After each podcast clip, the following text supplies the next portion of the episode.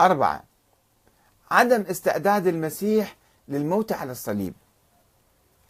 ومنادات الله إلهي إلهي لماذا تركتني؟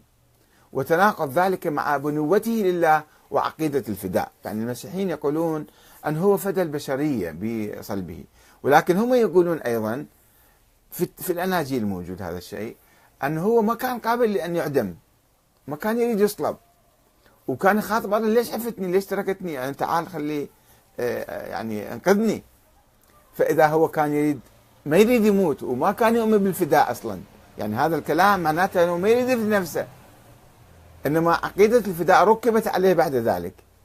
وهو قادر يتحرر فكان حرر نفسه وطلع وراح. يقول إنجيل متى؟ ونحو الساعة الثالثة صرخ يسوع بصوت عظيم هذا نصهم. إيلي إيلي لما سبقتني؟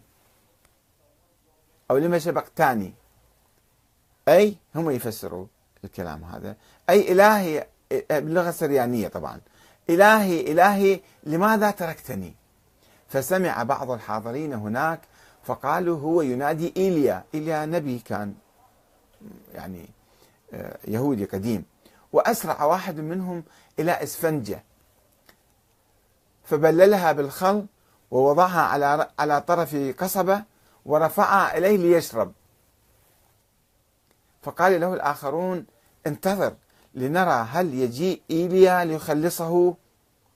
وصرخ يسوع مرة ثانية صرخة قوية وأسلم الروح فانشق حجاب الهيكل شطرين من أعلى إلى أسفل وتزلزلت الأرض وتشققت الصخور وانفتحت القبور فقامت أجساد كثير أجساد كثير من القديسين الراقدين.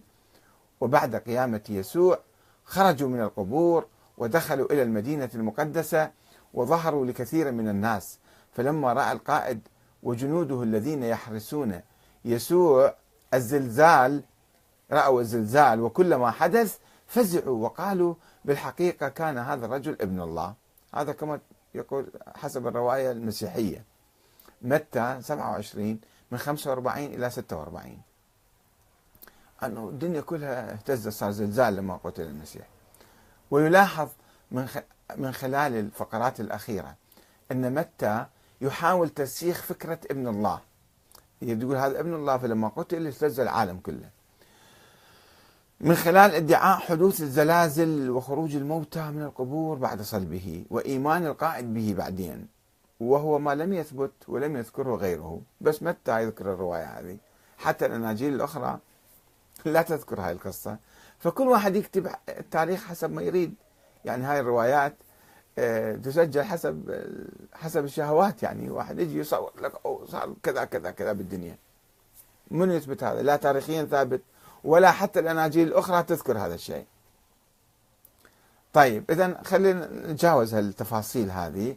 أنه الخلاصة مالته أنه آه، المسيح ما كان يريد يقتل فضلا عن أن يفدي نفسه للناس وكذا. فهذا يساعد على أنه يعني إذا كان يقدر يخلص نفسه كان هرب مثلا. والحاكم ما يريد يعدمه. كله في تردد يعني. خمسة عدم وجود أثر لجثة المسيح في القبر.